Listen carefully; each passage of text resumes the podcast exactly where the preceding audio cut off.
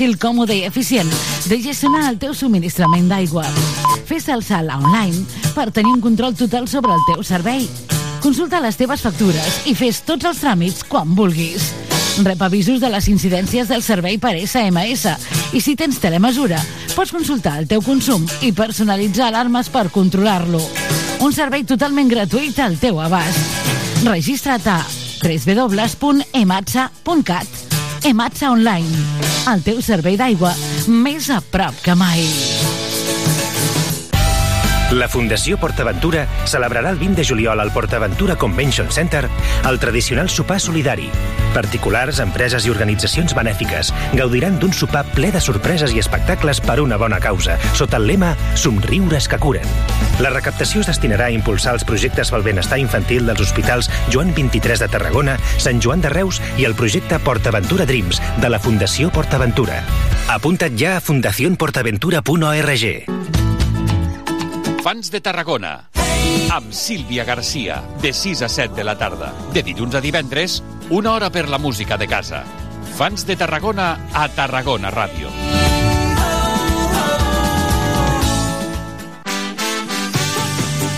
A Tarragona Ràdio som 40.000 oients.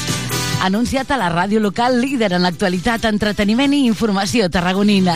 Contacta amb nosaltres al 977 24 53 64 de 9 a 2 al migdia o escriu-nos a publicitat arroba emmct.cat perquè a Tarragona Ràdio t'escoltem.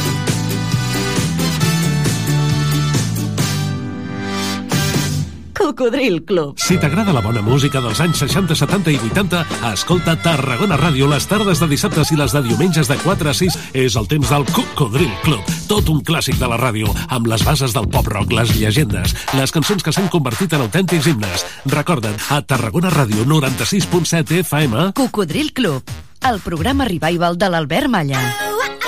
Hasta luego, cocodrilo. No pasaste de caimán. Hasta luego, cocodrilo.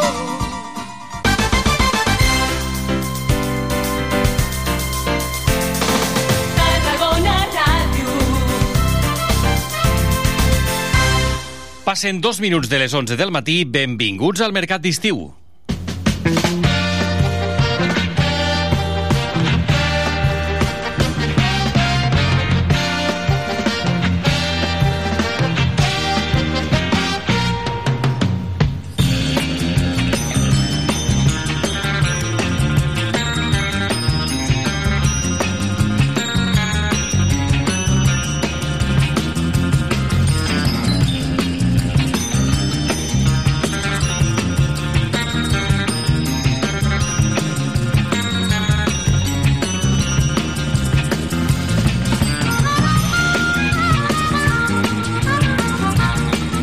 Tal, com esteu? Molt bon dia. A la sintonia de Tarragona Ràdio és moment d'obrir el mercat d'estiu en directe des del 96.7 FM, tarragonaradio.cat, la TDT i les aplicacions mòbils i des de l'estudi 1 de Tarragona Ràdio, el número 5 de l'Avinguda Roma, amb 28 graus ja de temperatura a l'exterior dels nostres estudis, amb un sol de justícia i amb una calor que també continua afectant-nos i, en fi, doncs, eh, protagonitzant aquests dies a la ciutat. Sembla que avui les mínimes es quedaran més curtes, però encara fa calor, a veure si ens dona una petita treva. Avui, 20 de juliol, que és l'últim dia per enviar el vot per correu.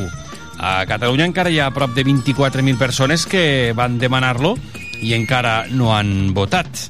Veurem eh, com es gestiona tot plegat i, de fet, eh, intentarem parlar-ne aquest matí també al Mercat d'Estiu, perquè tenim la nostra companya Clàudia Martorell, que ha anat eh, també doncs, a cobrir aquesta, aquest tema i ens ho explicarà també al programa. És un dels continguts que ens acompanyaran aquest matí, com us deia ja, 20 de juliol, amb el Joan Andreu Pérez a la producció, amb el Joan Maria Bertran a la part tècnica, amb eh, Martín Arenós, amb Judit Trilla, com a estudiants en pràctiques, i qui us parla, el Miguel González, en nom de tot l'equip. Fem sumari.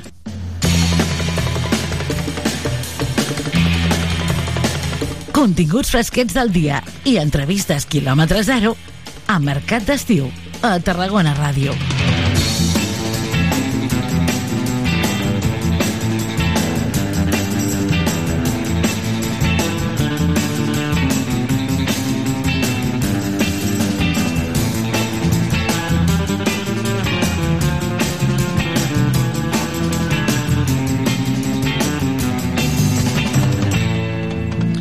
De seguida arribarà la nostra experta de capçalera en nutrició, Lola Simón. Avui parlarem de les fruites, i és que ve de gust una amanideta de fruites a l'estiu. Martina Arenós, bon dia.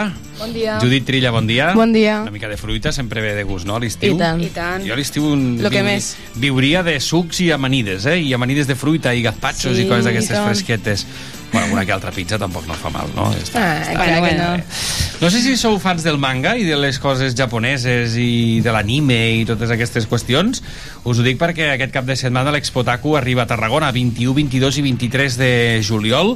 A la Tarraco Arena Plaça hi haurà un munt d'activitats per als amants de la cultura japonesa. En parlarem també avui al programa. Per cert, que també sortejarem entrades i després ens anirem a llegir. Jo sé que um, sí, també us agrada llegir, seguríssim. I hi ha la nit literària del Far de la Banya, que se celebra aquest uh, divendres també. De fet, és el desè aniversari, amb lectures uh, al dic de llevant del port de Tarragona, al, doncs això, sota anava a dir sota l'ombra, però sota l'aixopluc de, del far, amb nit literària i música a la fresca, i crec que s'estarà bé aquest divendres allà. A partir de les 12 arribarà l'entrevista política, avui amb la cap de llista del PSC per Tarragona a les eleccions d'aquest diumenge al Congrés dels Diputats amb uh, Valle Mellado, que ens uh, acompanyarà a partir de les 12 i a l'Espai Tothom avui dos temes. D'una banda, el sopar solidari que ens porten des de la Fundació PortAventura i d'altra banda, una nova geganta que arribarà a la ciutat que s'anomenarà Flora i que arriba en l'acte commemoratiu dels 25 anys de l'associació Ment i Salut La Muralla. I a partir de la una, el company Joan Andreu Pérez amb la Fons, amb les entrevistes en profunditat avui amb, la, amb el Jordi i l'Elisa Clavero. Això serà, com dèiem, a partir de la una del migdia. És eh, dijous 20 de juliol i tenim també diversos dies internacionals i mundials.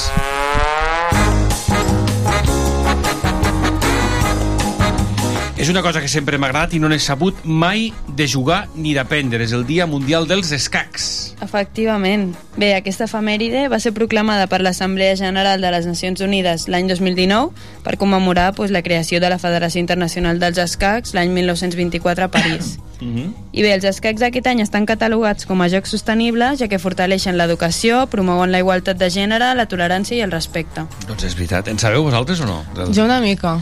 Una miqueta, però soc No sé bastant dolenta. Estratègies. Ai, ai, ai, jo Però trec les blancs negres i el rei i... El... I els peons i I ja els està. peons, exacte. Sí, sí, sí. A mi em poses cavalls i ja no sé com I es ja no, mouen. eh? I ja no. Bé, doncs a veure si ens relaxem dels escacs, per exemple, mirant a la Lluna, que avui és el Dia Internacional, també. Sí, aquest dia serveix per commemorar l'aniversari del primer aterratge dels éssers humans pertanyents a la missió Apolo 11 a la Lluna. Uh -huh. I bé, el dia 20 de juliol, tal dia com avui, l'any 1969, i bé, amb això es pretén sensibilitzar a nivell internacional sobre la importància de l'exploració i l'ús sostenible de la Lluna. Amb l'Armstrong, que va dir allò de és un gran pas un petit pas per l'home Sí. i un gran pas per la humanitat Sí, no? sí. quan va aterrar a la, a la Lluna uh, Dia Internacional de les Piruletes Sí, les piruletes, bé, les famoses llaminadures Sí, en sí, forma sí. circular insertades en un pal. I bé, es van originar a l'edat mitjana, quan la noblesa solia menjar sucre eh, cuit amb l'ajuda d'un palet, i la primera marca oficial de piruletes és la famosa marca espanyola,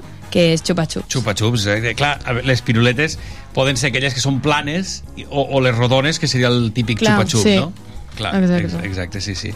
Bé, uh, fantàstic perquè... Ostres, ara, mira, és que ara em venia de gust, també. veus? Sí, menjar, no? Menjar piruleta. Avui hem de felicitar a les persones que es diuen, eh, que es diuen Elies. Exacte. Bueno, el seu origen és hebreu i té un significat religiós que vol dir el meu senyor és miseric... miseric... Ai, perdó. Misericordiós. Bueno, no sé si ho he dit bé. Lo res, religioses no que passa som, res, no es veu res. aquí, no? Bueno, no passa res. No passa Eh, a aquestes persones se'ls atribueix un caràcter imaginatiu, ingeniós i creatiu i també es diuen que tenen un gran, una gran força de lideratge, o sigui, molt top, eh? Molt bo, sí, sí, sí. No n'hi ha tants, no, d'Elies? no, a... sol, No. sol hi ha 15.000 aquí a Espanya. Mm, Estava pensant Sí. si en conec algun, sí, sí, algun en conec. Sí, Ah, jo no. sí, sí, sí algun, algun sí Jo que en no. conec. Vinga, uh, aquí va néixer tal dia com avui l'any 1956 a Londres. A Londres va néixer Paul Cook, que és, un, que és d'Anglaterra, bueno, és d'Anglaterra, òbviament, a Londres, i va ser un baterista del grup de música Sex Pistols.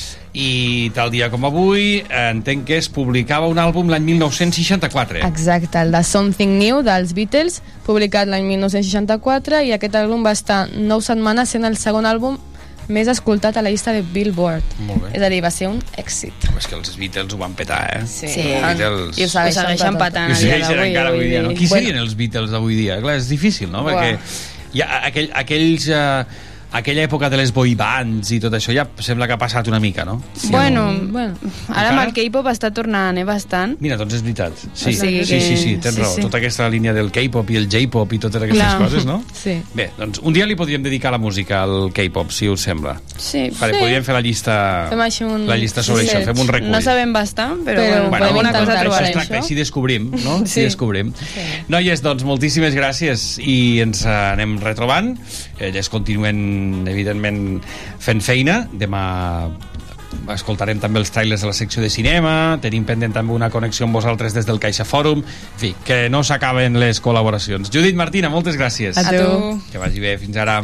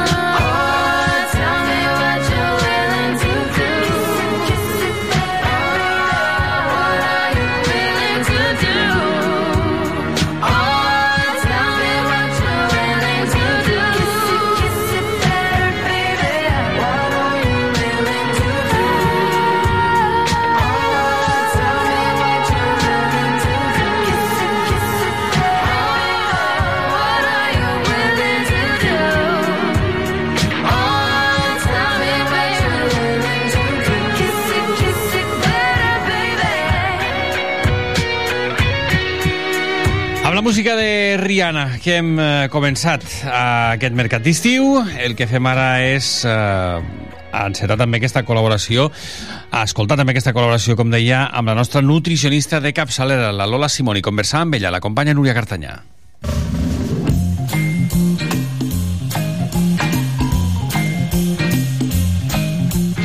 Fresquets per fora i també per dintre. És el que ens proposa la Lola Simón, la nostra nutricionista particular, durant aquests mesos d'estiu, que mengem coses fresquetes, hidratants, allò que, que la temperatura interior baixi també amb la nostra alimentació. Lola Simón, bon dia. Molt bon dia a tothom. Seguim amb les fruites i verdures de temporada, no? Que n'hi ha un munt.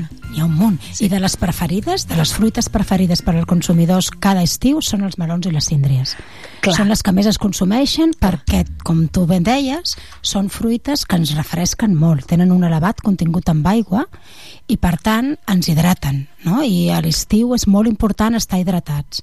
Llavors, pensem que no ens cansem mai de recomanar les fruites, que anem de prendre un mínim de 3 peces diàries, que així ens ho diu la guia de l'Agència Catalana de Salut Pública de freqüència de consum dels aliments. Tres peces diàries. Això Com a mínim, com Sí, a mínim, eh? és un mínim. I que, per què?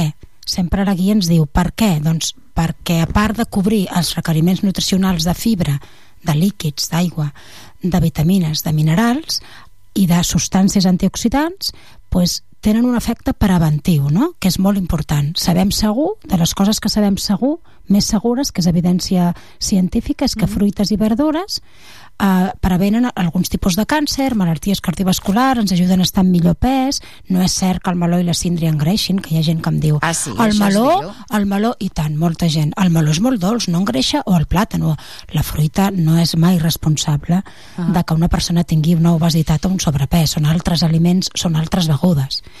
Però bé, la, la, la que ens ocupa avui, les fruites i el, les, els melons i les síndries, doncs el meló és de les fruites més antigues que conrea l'home. Sí? Sí, és, no se sap l'origen, no se sap si és d'Àsia o d'Àfrica, i com us deia, té un 80 o un 90% d'aigua. La síndria encara en té més, un 95%. Pensem que 200 i pico de grams de síndria és un got d'aigua del líquid que té la síndria. Clar, és que de fet si es patxorres una síndria i li treus la polpa, Sí, és que, sí, és que sí, no sí, res és queda que la síndria, queda- com, sí. saps com el cotó de sucre, allò Sí. que el menges i queda tot, Sí, sí, sí, sí, síndria i igual. a més és quan està al punt, quan està al punt que bona que és, no? Melons I i, síndries, els dos. Quan està al punt, Quan sí, sí. està al punt, perquè Bueno, si no, no val res, I és de aigua. melons n'hi ha de mil tipus, ja, Molt, ja sí, explicaràs. n'hi ha de molts tipus de melons i a més el meló té, té molt bona conservació perquè hi ha melons de secar o d'hivern que es diuen o de guardar Ah, sí? Sí, que es collien entre... Ho dic escollien perquè abans això es feia molt. El meu pare m'ho explicava i jo mm, no m'ho creia. Li deia, però pare, els melons són d'estiu.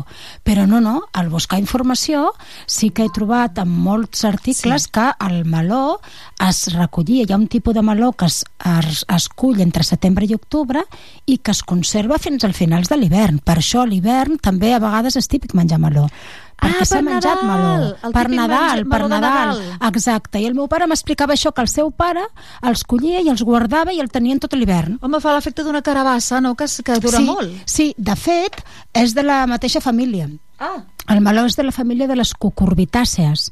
El nom científic és Cucumis meló i és de la família de les cucurbitàcees, com les carabasses, com tu dius, com el carabassó, com el cogombre, val? Mm -hmm. i bueno, la, el contingut amb, amb calories per tant, al tenir molta aigua sempre que un aliment té molta aigua té poques calories, com més líquid té, clar, al final el contingut amb nutrients és menor Clar. sobretot proteïnes que quasi no en tenen, greixos no en tenen, carbohidrats poquets, una miqueta de sucre, no? però poc. Llavors, clar, són aliments molt poc calòrics. que I molt. minerals, perquè al tenir aquest puntet saladet, a mi sempre em recorda com si tingués minerals. Sí, que té? conté potasi, Clar. magnesi, i després de vitamines conté la vitamina A, la provitamina A, la vitamina C, amb 100 grams de meló podem tenir la meitat de la vitamina C diària que necessitem, Molt bé. I sí, les fruites, el contingut, quasi totes elles, porten això, vitamines, minerals, fibra, això és el que ens interessa, i hidratació, i aigua. Mm -hmm. I això ens I interessa. saps si nutricionalment eh, hi ha diferències entre els diferents tipus de melons? Perquè el color sí que els canvia i... Sí, el color, pensem que si és un taronja, per exemple, el meló de Cantalupo, Sí. té més àcid fòlic i té més carotens. Els carotens són la provitamina A, que vol dir que el cos els transforma en vitamina A val? que amb aliments d'origen animal està els greixos, mantegues, rovell de l'ou, com a vitamina A, i a la, als aliments vegetals està tots els colors taronges, Vale. són la provitamina A, no? els betacarotens aquests. Com més ataronjat és un aliment, el préssec, la pastanaga, té aquests betacarotens. Molt bé. I, bueno, I això és interessant perquè tots aquests betacarotens són antioxidants, que són, tenen tots aquests efectes preventius i protectors de la salut. Així potser és més ric el meló aquest més, Sí. més taronjós, Sí, que no pas el, sí, el sí, verd si blanc. està, si està al punt, el meló de Cantalup també és molt bo. bueno, de fet, el meló, si és, si és bo, és molt bo. Sí. No? És el que diem. Quan està al punt de dolçor... Perquè és important que el comprem de proximitat i si pot ser al punt, perquè és quan tenim totes les propietats nutricionals. Clar, aquí està, que moltes vegades la fruita passa per càmera i, i vés a saber, tot i que ara és l'època i representa que l'hauríem sí, de trobar al punt. ara l'hauríem de trobar al punt. O almenys, si no al punt, que s'acabés Sí, de, de sí. madurar a casa. Si la pell és granulosa... Ho saps, tu? Ara t'anava a preguntar com sabem si està al punt. Clar, és difícil. trucs. Jo sé que el meu pare el coneixia i molta gent els toca i sap. Però jo el que sé és que si està massa lliseta la pell i massa impecable, no té massa bona pinta de que sigui bo. És millor que estigui més rugós, que la pell sigui més granulada. No? Això és una... Però bueno, jo no, la, jo no el conec, eh? la veritat Mhm. és que no, no sé ben bé. Home, això si aneu a una verdoleria de proximitat d'aquestes de confiança i que en saben, se'ls hi pregunta. Exacte, millor, perquè llavors potser ens, ens aconsellaran, no? Sí. I, bueno, mm, una cosa curiosa, no?, el, el, el, la dita, que totes les fruites i verdures tenen dites i aliments. Ah, és veritat. No? El meló i el casament han de, han de, han de, han de ser d'encertament no? que és això que se, sí, que això que diem, el meló és com el matrimoni això ho diu, la gent gran Sí, ho diuen veritat, molt no, no, fins que no l'obres i el proves no saps com va doncs aquesta, aquesta dita vol dir això i és cert, no? és cert no? Mm-hmm. perquè clar, un meló més és gran si et surt malament, doncs mira, no menges no menges meló. Bueno, això, la síndria també és molt semblant al meló, per això les he agrupat. Són fruites les dues que combaten la deshidratació, que tenen molt d'aigua, que tenen poques calories perquè contenen un contingut moderat amb sucres, tenen poquet sucre. Com deia, són les fruites preferides de l'estiu. Amb la síndria també es fa gazpacho, no? Sí. que ara es fan aquesta innovació a la cuina, inclús sopes fredes de meló. Sí. Es fan moltes coses que abans no es feien, no? Tenen un elevat, un contingut interessant en fibra, per tant, ens interessen amb dietes eh, hipocalòriques, amb, quan hi ha restrenyiment, la fruita és un aliment bàsic per evitar el restrenyiment, perquè el líquid, la fibra fa que ens ajudi en el, a anar bé, no? El, persones que tenen hipertensió arterial, perquè el potasi compensa el sodi, Ah, vale. no? i llavors és molt interessant. La síndria té més licopè, com el tomaca, que és un antioxidant, és aquest color vermell que té la síndria, és el licopè, que també té el tomaca, i que això és molt, és molt antioxidant, que, sí, que té totes aquestes propietats, quan diem antioxidant és una, propietats protectores, no?, de, Val. De l'ADN, de les cèl·lules, de, dels processos d'envelliment, de protecció contra els càncers, no? d'alguns tipus de càncer, no és que curi cap càncer, eh? però sí que té un efecte preventiu clar. Per això, a la guia i sempre recomanem, és dels aliments que prenia a l'antiguitat a l'ésser humà, sempre pres fruita des dels de, inicis de la, de la prehistòria, no? la fruita és caçador-recol·lector i és un aliment molt, molt, molt interessant i molt convenient que en prenguem a diari. Eh? La fruita és per menjar a diari aquest mínim de tres peces, a no ser que hi hagi una contraindicació, mm. com un malalt renal que té que tenir el, el potasi molt controlat, com un diabètic que primer ha de vigilar, no? però també pot menjar fruita el diabètic. Eh? El diabètic pot menjar fruita. Um, I és igual quan la mengem, És igual. tant abans, després dels àpats, Sí. en dejú, en dejú, És la fruita igual. diuen que és molt bona. Eh, sí, bueno, això Bueno. jo sempre dic, no tenim que tenir normes rígides ni dogmes amb, amb alimentació quan a un li vingui de gust i quan li vagi bé, perquè hi ha gent que després de dinar o després de sopar està tip i no li I va no bé bé. i no pot menjar fruita. Hi ha gent que sense la fruita sempre que no acaben el menjar a l'àpat Mm. adequadament, no? Llavors, bueno, quan, en qualsevol moment és bo per menjar fruita. Es pot afegir a l'amanida, Ah, es pot fer un meló sí. amb pernil de primer plat, es pot fer un gazpacho de síndria de primer plat, no? es pot prendre una macedònia de postre, es pot berenar fruita amb iogurt, es pot esmorzar fruita amb iogurt. Jo vull que dinar aviat som- esmorzat fruita amb iogurt sí. i, i amb ametlletes, perquè he de dinar molt aviadet i dic, doncs mira, menjo això. Sí, està. També hi ha els smoothies estupendos Sí, que, que exacte. en fi, tritures, Sí, tires algú, sí. algú, una mica de llet si convé o, o I iogurt tant, els batuts aquests smoothies que es diuen ara, no? que això, que anem innovant i que anem bueno, trobant el mateix aliment es pot cuinar de diferents receptes, amb diferents receptes. La síndria sí que ha patit modificacions d'aquestes, eh, no sé fins a quin punt, eh? modificacions eh, genètiques miques, ho dic Sí. perquè ara trobem síndries sense pinyols, Sí, no? i síndries amb menys contingut inclús amb sucre. Què dius? Com? Sí, ara estan fent síndries amb Però si menys ve- sucre. Si, perquè... poc, si representa que en té poca, per lo que dius, poc Sí, sucre. en té poca, però bueno, eh, es fan aquestes històries que... A lo millor per una mica per lo que dius tu, per la sensació que té la gent, no? que no ho sabem i que ens pensem que el- com que és dolça... Per la demanda una mica que el que hauríem de fer és informar bé i una síndria amb menys sucres, no sé, no té massa sentit, no? No, no. Però bueno, ara es fan moltes coses i, i bueno, com més de sortida. proximitat i més natural. Sí, d'aquí, d'un pagès, Millor. i si pot ser. I has portat alguna recepta, tot i que has donat un munt d'idees, eh? he portat una recepta de boles de meló i síndria, que és molt senzilla de preparar, molt fresqueta, que es tracta de... Els ingredients són 400 grams de meló, eh, 400 grams de síndria, 200 mil·lilitres d'una beguda vegetal, sigui avena, sigui arròs, sigui ametlla, a dos claus d'espècia i una branca de canyella. I llavors es tracta de fer boles amb la síndria i el meló amb un buidador d'aquests de vegetals, Sí. treure només les boletes, reservar-les a la nevera dins d'un bol gran, a part coure a foc suau durant 5 minuts la beguda de vegetal que escollim amb les espècies, amb el clau i la canyella, després tapar-ho i deixar-ho refredar i acabar de refrescar també a la nevera aquesta beguda vegetal amb espècies i després barrejar aquestes boletes de fruita fresquetes amb la beguda vegetal que haurà estat eh, així ben també aromatitzada amb la canyella i amb, la, i amb el clau i barrejar-ho i servir en bols individuals i ens ho mengem fresquet i superbo. I que és com a de cruixent i beguda. O Sí, sigui, anar a sí, trobes una miqueta de líquid, Sí, sí. com una macedònia, però en Sí. vez de portar el suc del, de la taronja, no, que posem a vegades, hi hauria aquesta beguda vegetal aromatitzada amb espècies. Molt refrescant i molt bo. Oi, i molt diferent, també. I diferent, sí. Molt bé. Sí, sí, sí.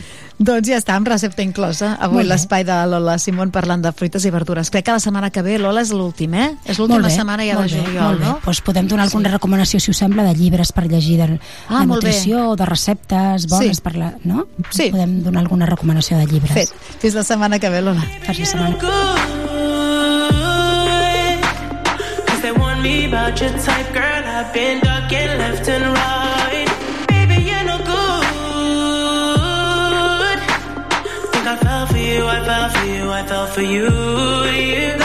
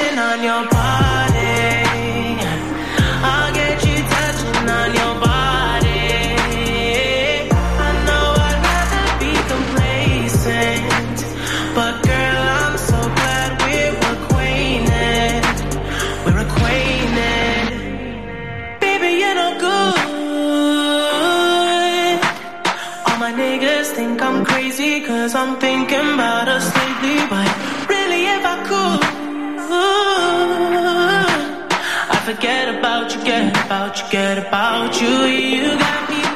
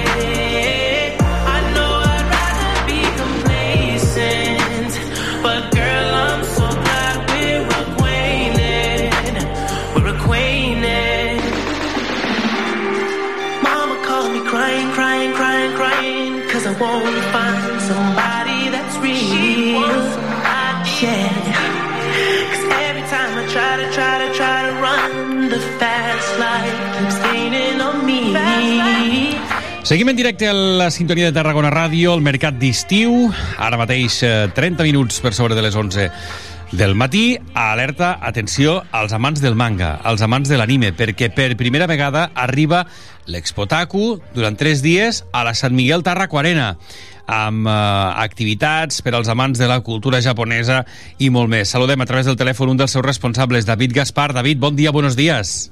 Hola, dia, com estàs? Muchísimas gracias, moltíssimes gràcies per, eh, per acompanyar-nos. David, com arriba enguany l'Expotaku? La principal novetat és el canvi cap a la Tarraco-Arena.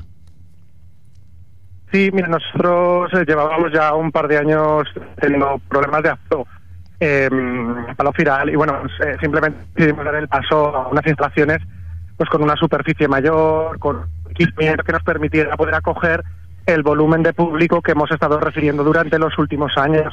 Entonces, em, en Tarracorena hemos encontrado desde el primer momento esas- esa capacidad que, estábamos necesitando. Entiendo que la- lo que es la feria se va a estructurar del mismo modo, evidentemente se va a adaptar al espacio de la Tarracoena Plaza, pero claro, os va a permitir asumir ese mayor volumen de público y ese mayor volumen de, de actividades y, y de participación, David. De hecho, nosotros ya llevábamos de- de aproximadamente desde 2016 con un crecimiento plano en lo que respecta al volumen de público. Ah, eh, hay, un crecimiento eh, ediciones, pero es un, un crecimiento más, más, o menos, más o menos simbólico. Eh, la las ediciones, eh, David, si me disculpas, más tenemos algún problema con la cobertura. No sé si te puedes mover un poquito, lo digo porque no terminamos de entender o de comprender lo que, lo que nos dices y es una pena porque eh, queremos escuchar lo que, lo que nos estás explicando. Eh, me comentabas que, que lleváis desde el 2016 eh, en crecimiento, ¿no? Sí, no, llevamos eh, con un crecimiento sostenido a lo largo del tiempo y bueno, eh, en general lo que pretendemos contar Forena es poder ofrecer un, espacio más cómodo, con un aforo superior, pues un espacio más cómodo para que la gente no tenga que estar tan concentrada. Mm. Ya sé que resumir en unos minutos es difícil todo lo que va a pasar el fin de semana, pero ¿qué, destacamos? ¿Cuáles son los atractivos del Expotaku para que la gente sepa lo que va a pasar, lo que se va a encontrar, qué es lo que podrá hacer viernes, sábado y domingo en la Tarra Arena Plaza, David? Mira, nosotros nos movemos mucho en la línea de las tendencias. Entonces, nosotros eh, valoramos cada edición lo que funciona y tratamos de potenciarlo de cara a las ediciones sucesivas. Entonces, en este sentido, nosotros ya el año pasado probar que nuestra zona Matsuri fue un éxito. Entonces, este año básicamente lo que hemos hecho es ampliarla, crecerla.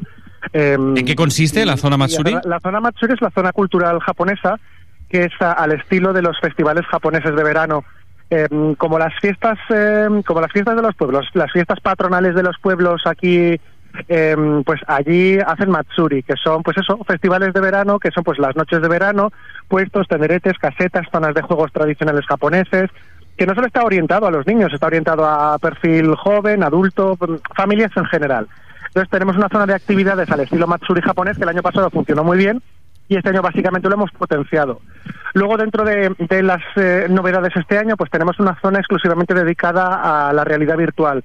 Ya llevábamos muchos años experimentando con PlayStation VR, del que tenemos muchos puestos de juego, pero este año tenemos exclusivamente una zona de VR Oculus Quest 2 de Meta, que eh, básicamente es una zona exclusivamente dedicada a la realidad virtual. Eh, eso dentro de lo que es la zona de videojuegos. Nuestra zona de videojuegos el año pasado contaba con 50 puestos de videojuegos, este año tenemos 65 puestos de videojuegos. Eh, por supuesto, todo eh, eh, última generación, las últimas tendencias, los últimos juegos. Como novedad en zonas temáticas este año tenemos la zona de Trivial Humano, que es básicamente un tablero gigante de Trivial que está en el suelo, en el que cada participante es su propia ficha y tira un dado gigante. Entonces, claro, pues eh, básicamente todos los Trivials que antes teníamos en el escenario los hemos concentrado en una zona temática exclusiva. Molt bé. I alguna cosa més? Perquè veig que també torneu a, a portar a gent destacada del món del doblatge, per exemple. És a dir, que les, eh, le- les opcions són moltes, David. De hecho, mira, nosotros este año eh, nos está preguntando mucha gente acerca de los invitados, porque Expotaku Tarragona es la edición de Expotaku a nivel nacional que más invitados llevamos. Llevamos youtubers, influencers, llevamos eh, cosplayers, llevamos actores de doblaje. Eh, uno de los platos fuertes que creemos que va a tener este año, esta edición, es precisamente al elenco principal de actores y actrices de doblaje de Los Simpson. Que, bueno, pues eh, como ya sabéis es una serie eh, mítica de animación para un perfil más bien tirando adulto. eh, entonces son profesionales del mundo del doblaje que tienen a sus espaldas muchos años de carrera, ya no solamente poniendo voz a los personajes de los Simpsons, además que tienen eh, trayectorias muy dilatadas en el mundo del doblaje. Entonces el doblaje es una de esas eh, de esas de esos contenidos temáticos, de esos de ese perfil de invitados que nos llevaban pidiendo mucho tiempo y que desde 2018 pues no habíamos podido traer a Tarragona. Bueno, pues este año hemos tenido la suerte de poder contar con el elenco de actores de doblaje de los Simpson, pero bueno, eh, es una oferta más dentro de la extensa oferta de invitados que vamos a, a tener, ya que tenemos algunos de los mejores youtubers e influencers temáticos, tanto de Dragon Ball como de One Piece, ilustradores de primer nivel eh, nacional como Miriam Bonastre, Judith Mayol, Carles Dalmau. Eh, estamos hablando de gente muy potente dentro del sector eh, editorial español. Ah, David, pues lo importante es que entremos en vuestra página web, que triem y remenem, como se, como se suele decir en catalán, ¿no? que, que escojamos lo que más nos conviene, que veamos el, el pues eso, el, el sinfín de posibilidades que nos ofrece Expotaku y que ho gaudim també aquest cap de setmana. Tema entradas, ¿cómo va, cómo va la venda, David? De momento va exactamente igual que el año pasado, bastante bien online. De un tiempo a esta parte las entradas se venden muy bien online porque el público pues cada vez se hace más a las plataformas de ticketing. Em, pero bueno, nosotros igualmente reservamos aproximadamente un 40% del total de entradas, las reservamos para venta física en la taquilla de Tarraco Arena. ¿Por qué? Pues mira, no- nuestro perfil de público mayoritario va de entre los 13 y los 35 años. Entonces entendemos que hay una parte muy importante dentro de este segmento de público que no dispone de medios de pago digitales y que prefieren comprar su entrada física en, en la taquilla de Tarraco Arena. Así que, que, que no haya ningún problema. O sea, el que no tenga la posibilidad de comprar la entrada online la puede comprar en la taquilla física durante todo el fin de semana. ¿A qué hora empieza todo el show el viernes? Mira, nosotros vamos a estar abiertos los tres días desde las 10 de la mañana, viernes, sábado y domingo, desde las 10 de la mañana hasta las 9 de la noche, viernes y sábado. Y el domingo cerraremos una horita antes, cerraremos a las 8. Bueno, pero tenemos mucho tiempo para venir a veros y para venir a disfrutar de este Expotaku. David Gaspar, muchísimas gracias, mucha suerte, que vaya muy bien en el nuevo emplazamiento. Y bueno, pues ya vemos que triunfa la cultura ah, japonesa, triunfa todo lo que tiene que ver con el Expotaku en Tarragona. Así que os agradecemos que volváis a estar con nosotros. Muchísimas gracias. Muchísimas gracias, os esperamos. Buenos días, hasta luego. Buenos días.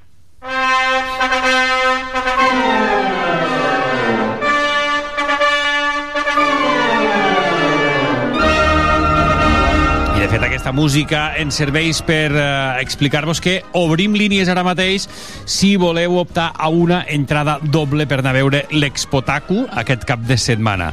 Ens podeu trucar ara mateix al 977 24 47 67 977 24 47 67 ens dieu el vostre nom i cognoms i us presenteu allà a les taquilles de la Tarragona Plaça amb el vostre DNI, això sí, per acreditar que sou vosaltres com a titulars de l'entrada i podreu gaudir d'aquesta fira Expotaku. 977 24 47 67. Sou amants del manga, sou amants de la cultura japonesa. Molt bon dia. Hola, bon dia, Miquel. Dora bon Rioja. Dia. Què tal? Quant de temps, quines ganes d'escoltar-te. Com estàs? Mira, molt bé, molt bé. Passa molta calor com tothom, però Passat bueno, molta calor, eh, que sí? No es pot sortir al carrer, que estem a 30 graus d'hora. Ja han pujat a dalt de tot, ara costa baixar una miqueta Ara, ja. ara avui i demà sembla que la cosa va cap a baix. Dora, que crec que el, o tu o algú de la teva família deu ser molt amant de la cultura japonesa, el no? meu net és manguer de, de bueno... Sí o no? A, ple, a tot i ple. Ah, mira, fantàstic.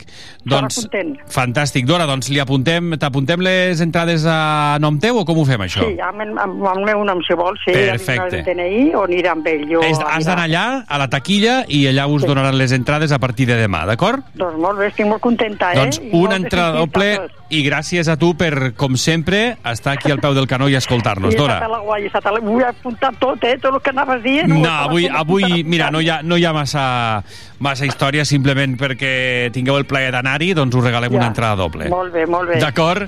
Records per tots, eh? Igualment, Dora. gràcies. Una abraçada i Adéu, bon estiu. adéu. Gràcies per, Adéu. per, com sempre, estar a l'altra banda de la ràdio. Tenim més entrades dobles. Més entrades dobles. La Dora se n'ha emportat una, per tant podrà anar ella amb el seu net a la Tarra Corena Plaça i si algú més està interessat o vol assistir amb aquesta fira de l'Expotaku, doncs ens pot trucar ara mateix al 977 24 47 67 977 24 47 67 entrada doble directament per anar a la fira de l'Expotaku. Ens la regalen, gentilesa de l'Expotaku, us l'obsequi a Tarragona Ràdio. Ràdio.「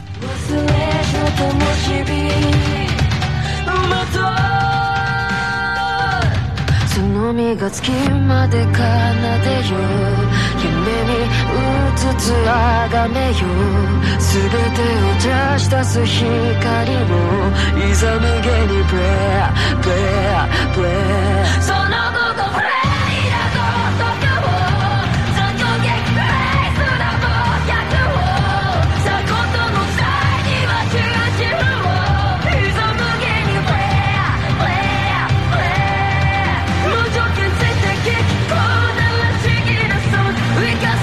Vinga, doncs darrera oportunitat, eh? Si voleu anar a la Tarra 40 plaça amb entrades dobles de l'Expotaku 977 24 47 67 977 24 47 67 una entrada doble per eh, anar a la fira de l'Expotaku aquest cap de setmana.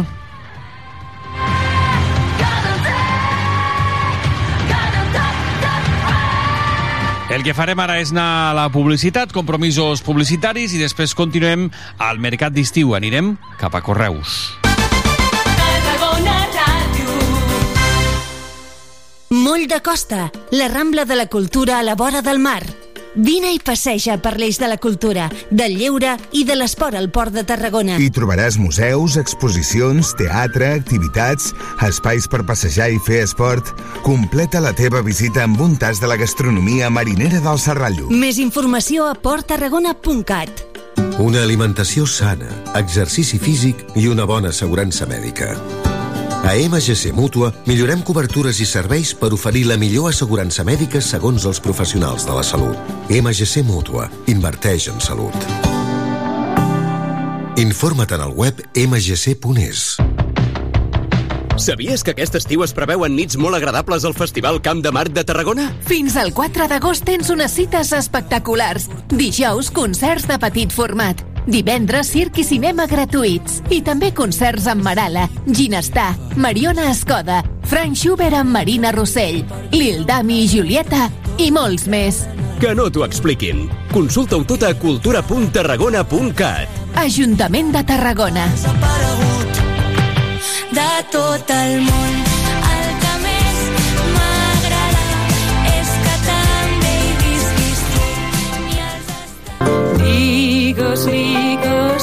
Gaudeix d'un vespre musical sota les estrelles amb Marina Rossell en format sinfònic, acompanyada per la Frank Schubert Filharmonia. Un concert on repassarem les seves cançons més estimades i emblemàtiques el dissabte 22 de juliol al Camp de Marc de Tarragona. Entrades a la venda a entrades.tarragona.cat i franzschubertfil.com.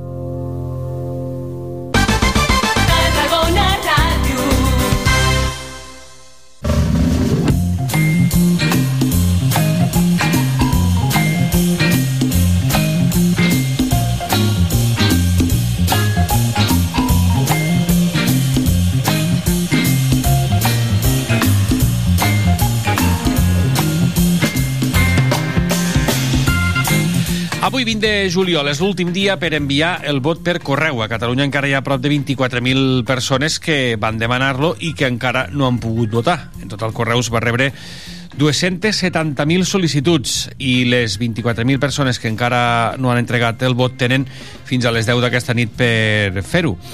Clàudia Martorell, molt bon dia. Molt bon dia, Miquel. Moltíssimes gràcies. Uh, has estat a les oficines de Correus a Tarragona? Sí. Eh, I quina és la radiografia? Quin és el panorama? Bé, estava, ja estava bastant bé de gent, no hi havia massa cua. Uh -huh. Tenien la, la gestió bastant ben muntada, la veritat. Tenien els, els tiquets que tu agafes al principi, que determina si els reculls, envies o, o qualsevol gestió que hagis de fer, ja tenien una pròpia, unes pròpies taules especials per, per la gent que ha de votar i anaven bastant més ràpid les persones que havien de votar. No s'havia format massa cua i no, la gent que, que ho explicava no, no, no tenien massa, massa problema. Escoltem, doncs, si et sembla, presenta'ns el que has pogut enregistrar. Sí, primer comencem amb, amb un usuari que està empadronat fora, està empadronat a Alicant, Uh -huh. i, i ens explica el seu, la seva... La seva Viu aquí a Tarragona o està ara aquí a Viu- Tarragona i ha aquí. aprofitat no, per anar Sí. a enviar el vot. Escoltem. Creía que iba a ser un poquito más complicado, pero ha sido bastante fácil, la verdad. Eh, solicité todo aquí en la oficina de correos y automáticamente pues me llegaron los votos y fui a votar. No, al final es cuando toca, ¿no? Nosotros no tampoco vamos a decidir cuándo son. Al final llegan y, y si son en Navidades problemas, si son en verano problemas, pues mira, si van a ser problemas siempre, que vengan cuando tengan que venir y ya está. Aunque vivo aquí, estoy empadronado en Alicante y es la única manera que tengo de votar. Doncs sí, eh, fe- efectuar el seu dret a vot mitjançant correu, veurem què passa, perquè, clar, avui és l'últim dia, per Sí. tant, Bé, en fi, veurem què. Hi havia altres usuaris, sí? Sí, tenim una dona, una dona que viu una miqueta més a prop, però com li agafa una mica lluny de casa, doncs ha decidit venir el dia que li coincidia, venir a Tarragona, doncs votar. Eh, bueno, eh, a ver, nosotros somos de San Pedro, de San Pedro y San Pablo, y nos han mandado el voto aquí a Tarragona. Entonces, claro, pues es un poco incómodo pues mm, el venir y tener que hacer cola aquí, cuando allí es un poco más rápido. Que claro, tenías tus vacaciones y tus cosas y has tenido que votar por, por correo. Bé, doncs ho tenia a prop, però ha decidit votar també per eh, correu. De fet, qui demana el vot per correu, en principi ja no pot votar diumenge de manera presencial, per tant ho té que fer, ho té que fer a través de, de correu.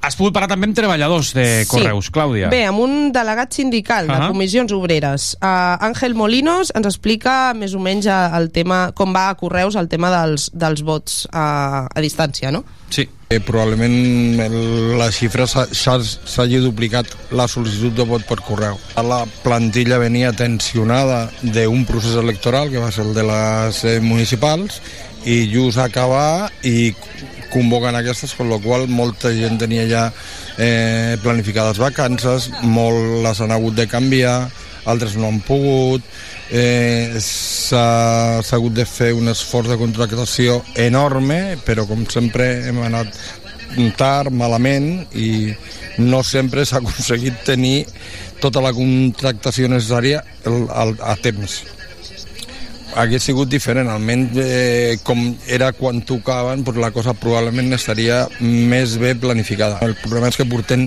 portem anys sense una bona gestió, amb la qual això només és el que ha passat ara aquí a les eleccions és reflexe de tot el que venim arrastrant des de fa quatre anys. reivindicacions eh, que aprofitava també per fer el delegat sindical en quant al volum de feina, en quant a l'increment i amb la tensió, com deia, per aquestes eleccions municipals del 28 de maig, ara amb les generals del 23 de juliol, doncs també amb la feina que se'ls ha girat Mm. a, a l'hora de, de gestionar tot plegat.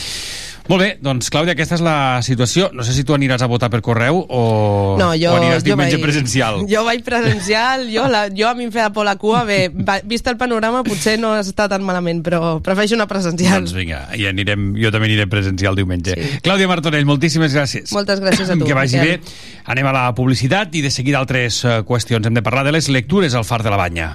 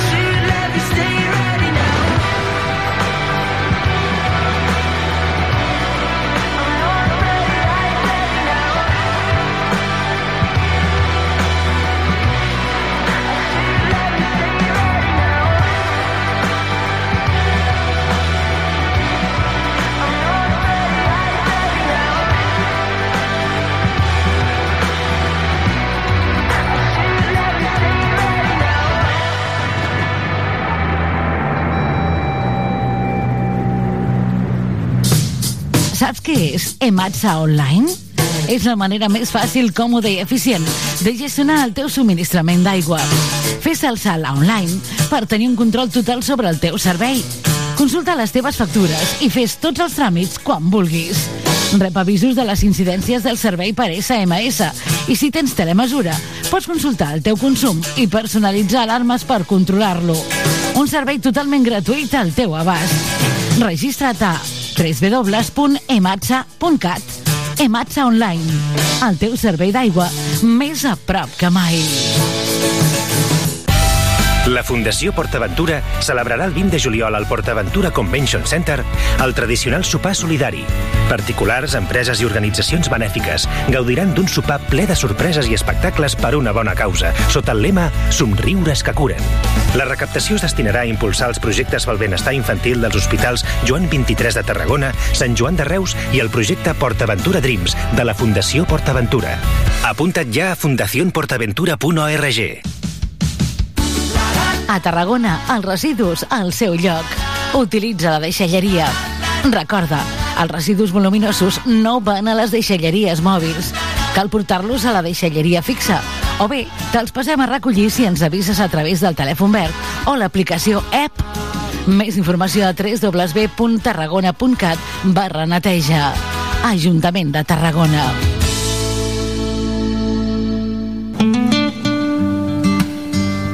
Gaudeix de l'estiu en els restaurants i l'espa que ofereix vora al mar l'Hotel Le Meridien Ra. Descobreix la millor gastronomia mediterrània al restaurant La Terrassa del Mar o les tapes marineres i fresques al Beach Club a peu de platja. A més, relaxa cos i ment a l'Explore Spa de l'Hotel Le Meridien Ra del Passeig Marítim del Vendrell. Reserva trucant al 977 69 42 00 i viu l'estiu a l'Hotel Le Meridien Ra. Mercat d'estiu. Tarragona Ràdio.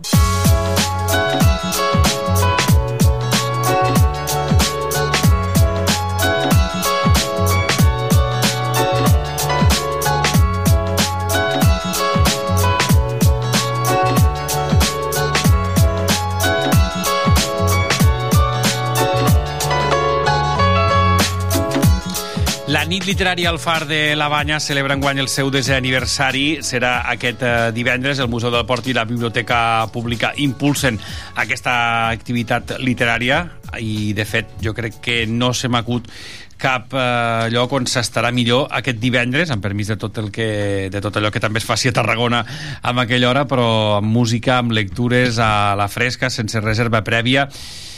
Mercè Toldrà, molt bon dia. Hola, bon Directora dia. del Museu del Port, gràcies per acompanyar-nos. A Dolors Saumell, bon dia. Hola, bon Directora de la dia. Biblioteca Pública de Tarragona, també gràcies per acompanyar-nos. I gràcies per convidar-nos. No que no s'estarà millor que allà, divendres al vespre, allò amb música, amb lectura, amb fresqueta, si és que en fa.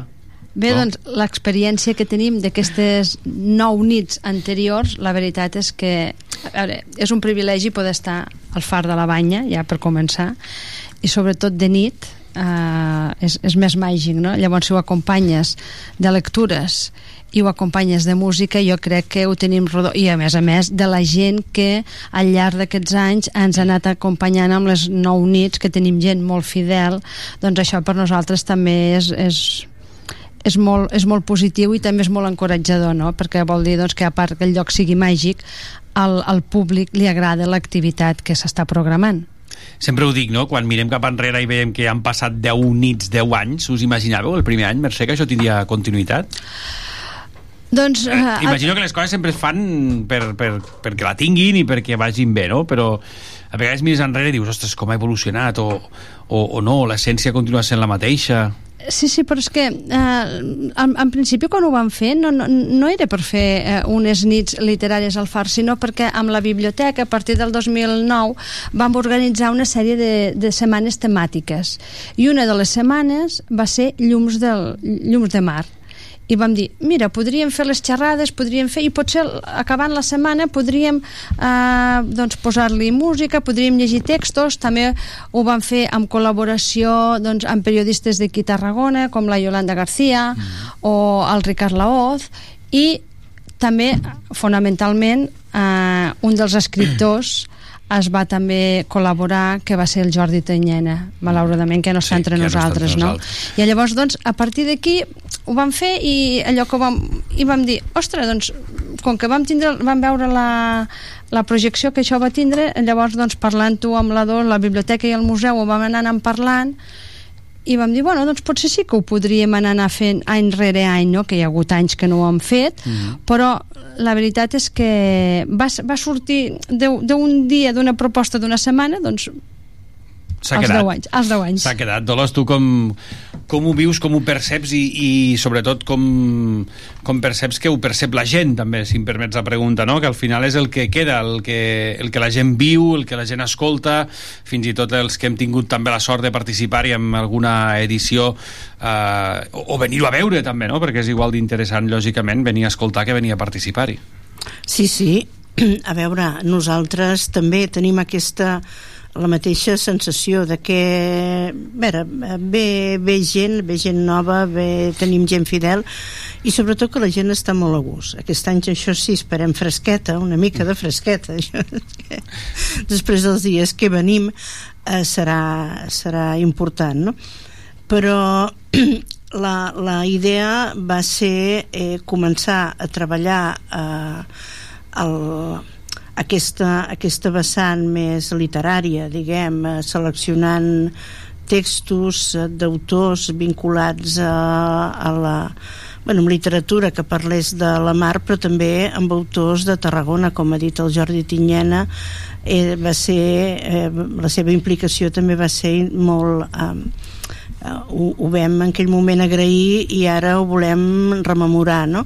però eh, per altra banda eh, hi havia altres autors sempre hem buscat autors que eh, siguin d'alguna manera més o menys representatius aquest any o no tant però que eh, tinguin aquest vincle amb Tarragona, amb el Serrallo, amb les Mhm. comarques de Tarragona, amb el mar. Molt bé. O sigui, aquest any, per exemple, llegim Antoni Baixeres, Ah. el Josep Santes Masses, eh, l'Antoni Baciana, i, bueno, entre d'altres, eh, però és aquesta, aquest vincle que també pensem que és interessant de difondre i de posar en valor. Ho presenta també el periodista Ricard Laoz, exdirector també d'aquesta casa, i, i participen gent que tots coneixem, l'excompanya Yolanda García, el Sergi Chirinac, l'Urdes Malgrat, no? hi, ha, hi ha noms, per dir-ne alguns, però hi ha noms que, doncs, de, de persones que, que a tots ens venen al cap, no? quan parlem de persones que, de la gent que hi participarà enguany amb aquesta vetllada literària al costat del mar. Bé, perquè el que hem volgut és també eh, a, a la gent que durant tots aquests anys ha col·laborat perquè la nit se fes, perquè ens ha recolzat, doncs també celebrar aquest desaniversari conjuntament, no?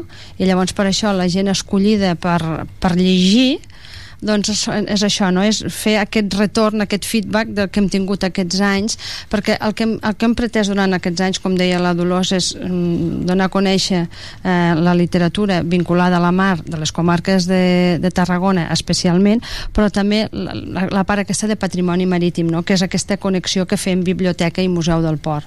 I llavors, doncs, bé, doncs, enguany creiem que fent un repàs general a totes aquestes nits i a totes les lectures i a textos del mar, tant clàssics com actuals, doncs bé, eh, esperem doncs, que tingui un dels resultats com ha tingut eh, en els, en els anys eh, passats. No ens hem d'oblidar de la música, que també aquestes lectures aniran acompanyades de música.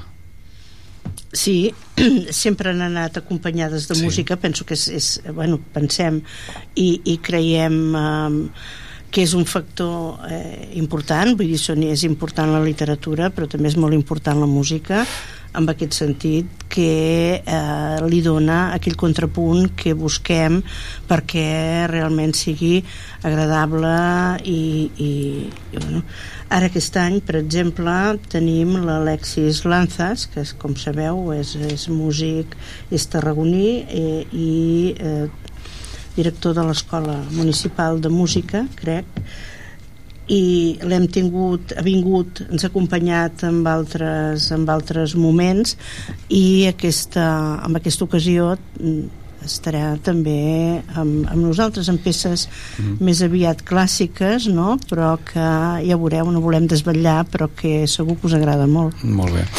Uh, Mercè, la reserva no, no, és a dir, no cal reserva prèvia, sí que és veritat que està limitat a l'aforament que, que es permet. Veniu a, venim a peu, venim amb un cotxe...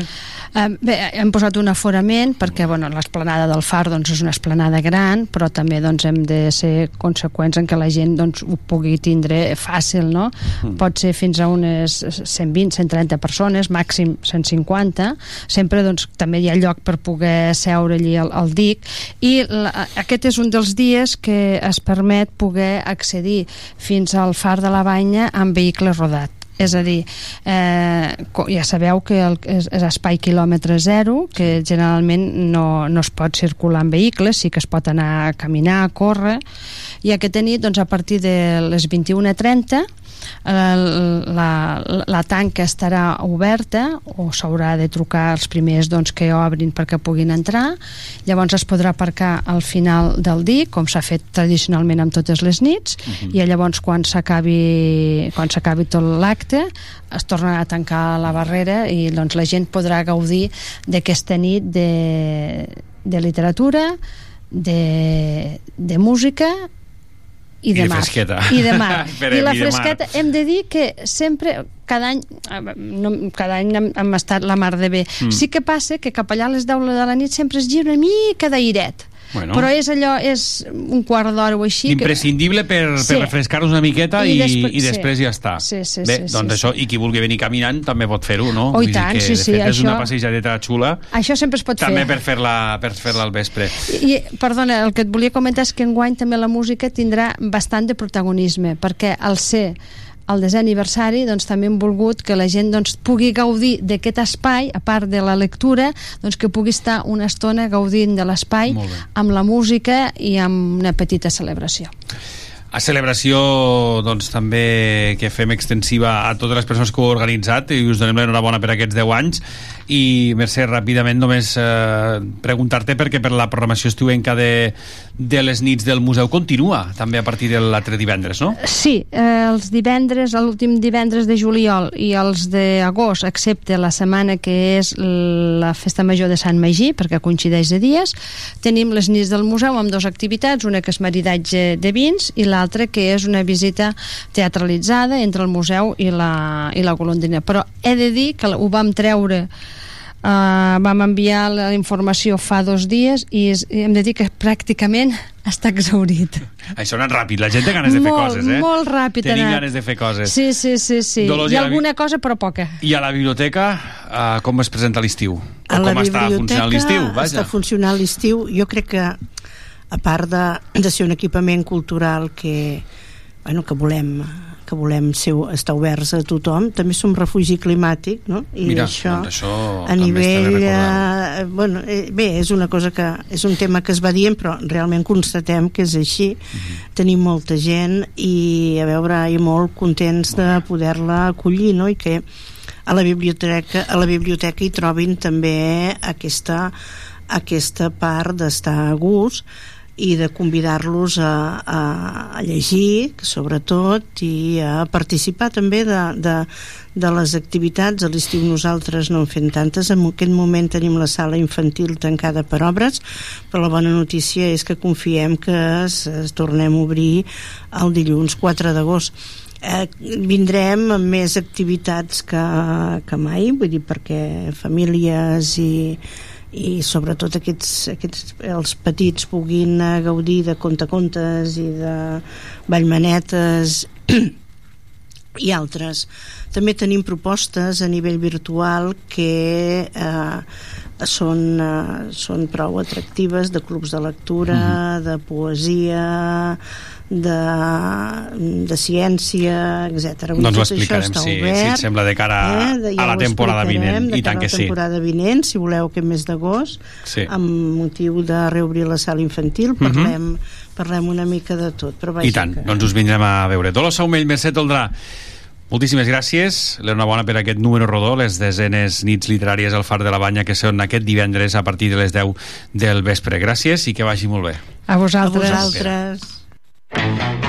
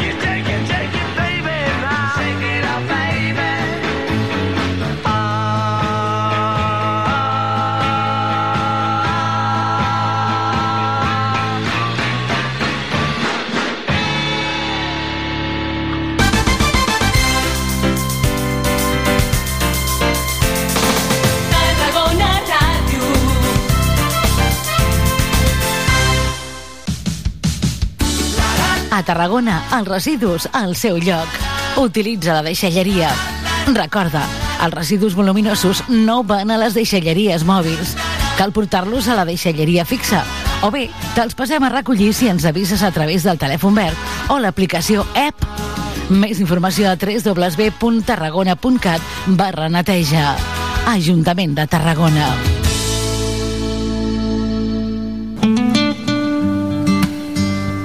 Gaudeix de l'estiu en els restaurants i l'espa que ofereix vora al mar l'Hotel Le Meridien Ra. Descobreix la millor gastronomia mediterrània al restaurant La Terrassa del Mar o les tapes marineres i fresques al Beach Club a peu de platja.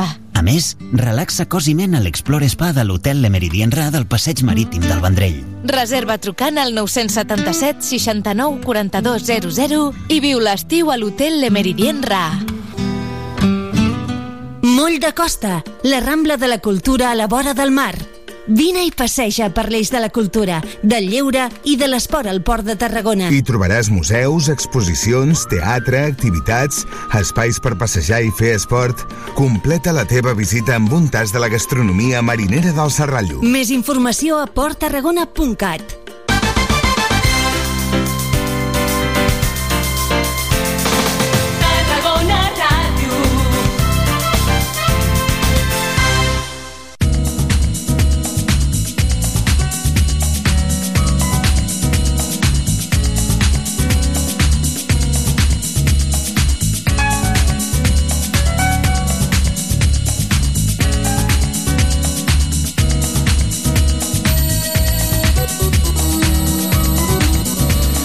12 del migdia, 10 minuts, la política, que també té el seu espai protagonista dins aquest mercat d'estiu. És la tercera de les entrevistes eh, d'aquest eh, bloc electoral pel que fa a les eleccions generals del 23 de juliol.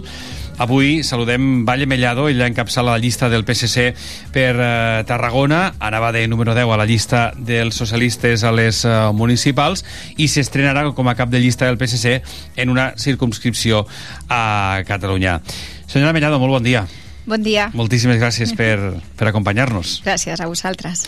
Uh, ara ho deia, uh, és el primer cop que, que es presenta en un càrrec institucional d'aquestes característiques. Com encara aquesta campanya? Que ja, quasi, que ja gairebé s'acaba. Sí, que ja, ja quasi, ja quasi se- s'acaba, no? La veritat que sí.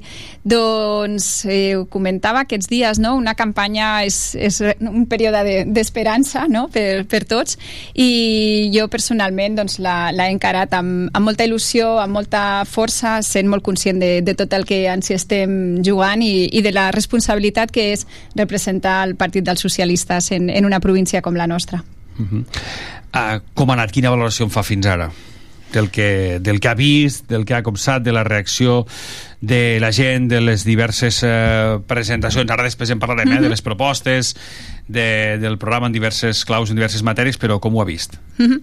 Doncs, eh, clar, des, de, des del Partit Socialista eh, fem una valoració molt, molt positiva d'aquesta campanya, igual que la van fer en, en la campanya de les municipals, eh, per, per un motiu eh, molt, molt destacat i molt important, i que ara mateix eh, està en joc. I és per, perquè hem recuperat el, la pau social, hem recuperat la convivència als carrers, i això, especialment els socialistes, ho, he, ho hem viscut molt positivament aquests dies. No? És molt diferent la rebuda que nosaltres teníem fa quatre anys de la que tenim avui dia, que la gent, doncs, sincerament, totes les visites institucionals que hem fet, totes les visites a entitats, eh, totes les passejades, les carpes, tota l'activitat que hem tingut, eh, la gent ens ha rebut mm, amb molta cordialitat, molt positivament, amb molta esperança de que nosaltres podem eh, canviar, po- podem parar això que, que se'ns pot venir a sobre a partir del 24 de, de juliol i, i això realment doncs, doncs ajuda molt i ja dic, eh, és gràcies a, a aquesta convivència que hem recuperat. Pel que fa als resultats, el que pugui passar diumenge, què n'esperen? Ara mateix tenen dos dels sis representants al Congrés per Tarragona, són del PSC. Mhm. Què n'esperen a partir de diumenge? Doncs esperem, eh, com a mínim, evidentment, mantenir aquests resultats i, i per suposat, millorar-los. I, I no perquè, doncs, com a tots els partits, ens agrada guanyar les eleccions, està, està clar, i això sortim, a guanyar les eleccions, sinó perquè els escons de la província de Tarragona, aquests sis escons que ens hi juguem, poden ser decisius perquè a partir del dia del, de la nit del 23 de juliol aquest país continuï tenint un, un govern de, de progrés encapçalat per Pedro Sánchez. Avui és l'últim dia per enviar el vot per correu. Uh, és cert que s'han rebut uh, i que s'han duplicat, s'han rebut més del doble de les sol·licituds Mhm. de les uh, municipals, per exemple, de maig, però també és veritat que a Catalunya hi ha molta gent que encara que va demanar-lo i que encara no ha votat. Com ho valoren això? Com ho veuen? Com pot afectar això els resultats de diumenge? Mhm. Ara mateix les dades que tenim és que és un percentatge molt, molt baix, és un número molt, molt baix, el de les persones que encara no, no han pogut votar. Eh, més aviat, les dades que tenim és que eh, es tracta de persones que, que potser no les, ja han anat a, a buscar-les a casa seva i no, i no les han trobat eh, en les ocasions que, que estan previstes. Eh, eh, però confiem totalment, com hem dit aquests dies, eh, en, el, en el sistema, confiem totalment en, en que Correus està fent eh, tot el possible i que no serà cap problema de cara a aquest procés electoral el, el funcionament del vot per correu. Vostè ha sentit aquests dies durant la campanya que en aquestes eleccions ens la juguem, Tarragona se la juga. Uh, fent el mateix uh, ús de la paraula, li pregunto quin paper ha de jugar Tarragona a partir del 23 de juliol, senyora Mellado? Doncs una mica el que, el que comentava ara fa un moment, no? Eh, Tarragona ha de ser decisiva, els escons que surtin, eh, que, que representin a la nostra demarcació han de ser decisius perquè sigui possible formar un govern de progrés encapçalat per Pedro Sánchez i després, a partir d'aquí, a partir de que aconseguim eh, parar no? aquesta, aquest eh, augment, aquesta possibilitat de que tinguem a la, a la dreta extrema i l'extrema dreta al govern, un cop que, que parem això, amb aquest vot massiu que esperem per part de, de la ciutadania, el que volem i el que hem estat parlant molt aquests dies en totes les visites amb, amb tots els, els alcaldes, alcaldesses que aquests dies han anat prenent eh, possessió eh, és que des del Partit Socialista el que defensem és que hem de ser capaços, o sigui, tenim la voluntat de, mm, de configurar una agenda, una agenda eh, política, una agenda amb tots els projectes que són capdals per, per la nostra demarcació, pel, pel desenvolupament de la nostra demarcació i, i defensar aquesta agenda on, allà on calgui, no?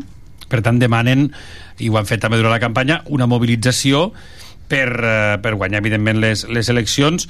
Eh, mm, la- la- la- L'altra posició, l'altra situació seria un tàndem de l'extrema dreta amb, eh, amb Vox i, i vaja, l'arribada de l'extrema Sí. dreta, la pujada de l'extrema dreta amb Vox i, i el PP. Hmm. Sí, entenem que, que el que nosaltres veiem, no? I el, la majoria de la població no vol un govern amb, amb, amb aquest possible tàndem, no? El que apel·lem aquests dies és que tothom, tothom que, que tingui clar, encara que no hagi estat votant socialista, encara que potser votés en el passat i, i ara fa temps que no, o que hagi votat a, a altres opcions o que altres vegades hagi abstingut, no? Nosaltres ara el que, el que apel·lem és que això estem segurs que la majoria de la població no vol un govern encapçalat pel PP i Vox, amb tot el que representa, amb tot el retrocés que representa per les dones, pel col·lectiu LGTBI, per totes les derogacions que estan prometent, que és molt estrany presentar-se a una campanya electoral prometent que derogaràs la pujada del salari mínim interpro- interprofessional o que derogaràs l'augment de, de les pensions o que derogaràs lleis que són fonamentals per, per mantenir eh, la, la qualitat i les condicions de, de vida dignes de, de moltíssimes persones. Eh, per tant, tenim molt clar no? que no és possible que la majoria de, de la població vulgui, vulgui això i ens hem de mobilitzar tots, tothom que, que tenim clar que no volem un govern d'aquest tipus, ens hem de mobilitzar i la papereta del Partit dels Socialistes és la garantia de que un govern d'aquest- d'aquests colors no, no serà possible. Els preocupa l'abstencionisme? Se n'ha parlat també durant, le, durant aquesta campanya amb diverses veus, amb diversos posicionaments d'aquestes eleccions que, evidentment, doncs, s'han eh, s'han mm, s'han posat un 23 de juliol. Uh -huh. S'han Eh, convocat un 23 de juliol, disculpa. Sí, sí, sí. Bueno, tothom, no? Ja sabem que s'han convocat en aquesta data perquè era la, la primera possible. Mhm, mhm. eh, eh, sí, sí que preocupa, preocupa molt la- l'abstenció i en, aquí, en aquest cas sí que tenim un, un missatge molt clar per, per tota la ciutadania, tota la gent que estigui dubtant i una mica lligat en el que dèiem ara, no? Tota la gent que estigui dubtant a qui votar o si votar o no votar avui li demanaríem que fes la següent reflexió, no? de dir, el dia 24 de juliol vols aixecar-te en un país que avança o en un país que retrocedeix. Eh, no serveix queixar-se des del sofà, no, que, no serveix queixar-se des de la terrasseta de, del bar, eh, l'única opinió que compta és la que cada ciutadà posa amb el seu vot a les, a les urnes i si tots estem d'acord, que estic segura que sí, en que no volem retrocedir, eh, aquest vot doncs, demano que sigui pel Partit Socialista. Parlem eh, del capítol de- d'inversions. Tarragona està al mapa de les inversions de, de l'executiu de- d'Espanya o, i, i s'ha invertit lo suficient a Tarragona durant la darrera legislatura, senyora Mellado? Què en Mhm. pensa? S'ha millorat molt en aquest, en aquest àmbit. Eh, en aquests quatre anys no, hem, de tenir, hem de tenir en compte el, el, el context. No? Eh, veníem d'una situació en què el govern de la Generalitat i el, i el govern d'Espanya eh, no es parlaven. Veníem d'aquesta d'aquesta situació, no, no ho oblidem. Eh, en aquests eh, 4-5 anys hem aconseguit recuperar aquest diàleg i això ha significat, en el cas de Tarragona, posar Tarragona al mapa de, de les inversions. Ho hem pogut veure quan, eh, per exemple, doncs això, la, la, potser la inversió estrella o la infraestructura estrella, no? que és la, la finalització de, del túnel de l'illa. Eh, eh, ara ens quedarà un, un petit tram per, per unir aquesta, aquesta via, la 27, amb, amb la P2, però el gruix de la infraestructura està fet. Eh, totes les, les accions que, que s'han pres, per exemple, en quant a rena, renaturalització de, de platges eh, i alt, altres eh, estudis i, i inversions que, que s'estan fent. No? Per tant, jo crec que el missatge important és que queda feina per fer, evidentment, queda feina per fer. Aquesta demarcació necessita eh, més eh, inversió per millorar la, la seva competitivitat, clar que sí, eh, però anem pel bon camí. Hem aconseguit posar Tarragona al mapa de, de les inversions i és molt important, perquè això continuï sent així, que a Madrid hi hagi un govern disposat a dialogar. Això anava a preguntar si, si creu que, que continuaran arribant, si n'arribaran de noves, o arribaran aquelles que, que ja estan compromeses també a la ciutat, com per exemple en el cas de la necròpolis. Uh -huh. Eh, clar, el que hem d'aconseguir a partir del 23 de, de juliol no, és, és aquest govern liderat per, per Pedro Sánchez, ja dic que ha fet una aposta important per, per les inversions tant a Tarragona com a, com a Catalunya Eh, i, i per suposat hem de treballar i és també el compromís de les persones que podem obtenir un escó eh, el, el dia 23 de, de juliol és el nostre compromís de treballar perquè els compromisos que hi ha amb la nostra demarcació es compleixin i que continuem avançant a, amb aquelles inversions que siguin necessàries que el, que el territori consideri necessàries pel seu desenvolupament. no només pel territori, a nivell també general, però que també, evidentment, afecten els ciutadans de casa nostra, són les qüestions relacionades amb les polítiques socials, amb el salari mínim, amb les inversions en dependència, amb la sanitat pública o amb el tema de les pensions. Són qüestions que han anat tractant també durant aquesta campanya, senyora Mellado. Mhm.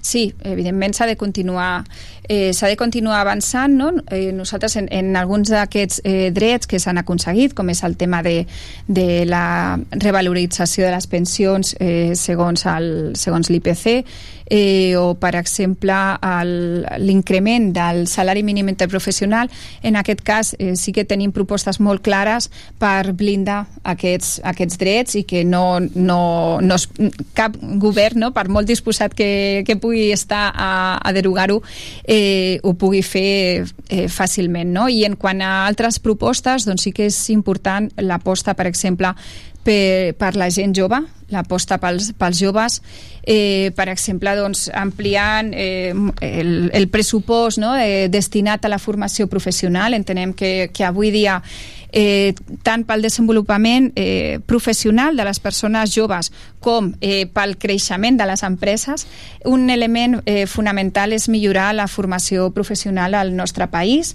eh, que estigui molt més adaptada al món de l'empresa i que hi hagi eh, més, més oportunitats, més, més places per la gent jove per accedir a aquesta formació. Aquest, aquesta, per exemple, seria una de les propostes. Eh, N'hi ha moltíssimes. Vostè demanava ahir mateix a les dones de Tarragona que derrotin l'extrema dreta. Eh, és important també el paper que ha de jugar la dona en tot plegat i les polítiques que s'han de fer en quant a la llibertat, a la seguretat de les dones eh, en aquest sentit que o, o per exemple doncs, eh, el, el pacte d'estat sobre violència de gènere Mhm. Sí, un pacte d'estat, per cert, que, que el govern de Pedro Sánchez ha incrementat el, el pressupost destinat a, a aquest pacte d'estat per poder desenvolupar més, més mesures. Eh, en, aquest, en aquest àmbit jo crec que és molt important recordar i que tots tinguem en, uh, present que els grans avenços que s'han fet eh, cap a la igualtat efectiva entre homes i dones i la lluita de, uh, dels, pels drets de, de les dones sempre han estat impulsades i liderades pel Partit Socialista tant el que són les lleis que tots podem conèixer, com la llei contra la violència de gènere, la llei d'igualtat, eh, com poden ser altres lleis que directament no estan eh, dirigides, potser, o no, no, no, no, no les pensem com, com directament eh, pensades pel, pel col·lectiu de, de les dones, però que ens afecten moltíssim en el nostre dia a dia, no? Per exemple, ara tornant, quan parlem de d'incrementar el salari mínim interprofessional hem de tenir present que la majoria de persones que, que cobren aquest salari són dones i persones joves eh, són les, les principals beneficiàries de, de mesures d'aquest tipus. Eh, per exemple, una altra cosa molt important que, que s'està treballant i, i que en la que s'ha d'avançar és en el cas de les pensions, que sí que hem aconseguit aquesta, aquesta eh, millora no? de revaloritzar segons l'IPC, eh, però també hem de continuar treballant perquè som conscients que eh, hi ha una bretxa de gènere entre les pensions que cobren els homes i les pensions que cobren els dona, les, les dones. Perdó. Llavors, en, en aquest cas, eh, també des del Partit Socialista proposem eh, mesures per, per reduir aquesta bretxa de gènere que viuen eh, especialment les, les dones quan, bueno, quan ens fem grans no? I, hem de, i hem de viure amb la, amb la pensió de jubilació ja dic, hi ha, hi ha moltíssimes, moltíssimes mesures. En el nostre cas doncs, està claríssim. El, el Partit Socialista és el partit que sempre ha abanderat la lluita pels drets de les dones i ho continuarem fent. I en aquest cas, totes les dones, eh, siguin de siguin del PSC o no, o no ho siguin, eh, el 23 de juliol ens hi estem jugant moltíssim. Abans li preguntava pel paper del territori, li pregunto ara també pel paper de, de la indústria o, o d'altres uh, infraestructures, com per exemple és el tema uh, ferroviari amb aquesta uh, qüestió. Quina posició té el seu partit, senyor Mhm. Mellado? Doncs en el, en el cas de la infraestructura ferroviària eh, es, es repeteix una mica el que estàvem comentant amb, amb altres infraestructures. Eh, tornem a recordar que venim de, veníem d'un context de dos governs que no, dues administracions que no es parlaven. Això va, va finalitzar amb el govern liderat per Pedro Sánchez, va començar aquest, aquest diàleg i això, per exemple, ha permès doncs, que actualment eh, s'ha executat ja un terç del pla de millora de rodalies. Per exemple, no? les, les rodalies segurament és la infraestructura ferroviària que més ens afecta a la ciutadania en, en general, perquè és la que té més a veure amb el transport de, dels passatgers. Llavors, ja sabem que les inversions en aquest tipus d'infraestructures no es veuen d'un dia per l'altre, triguen una mica en notar-se.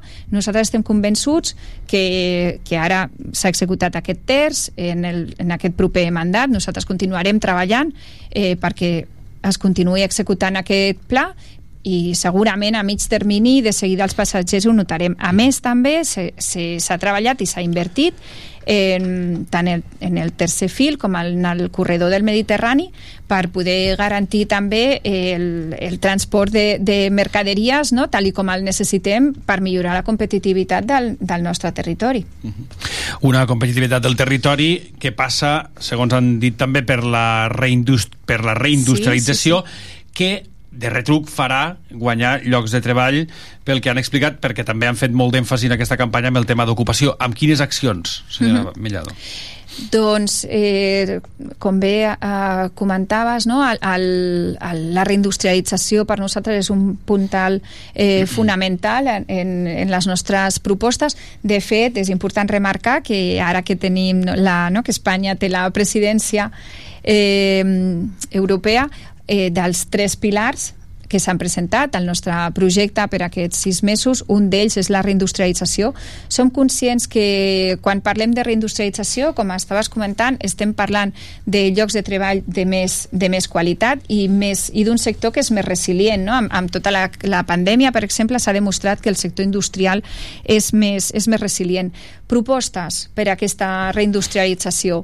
Doncs, evidentment, eh, dotar, continuar dotant el territori de les infraestructures eh, necessàries perquè això sigui, sigui possible, per aquesta competitivitat de les empreses.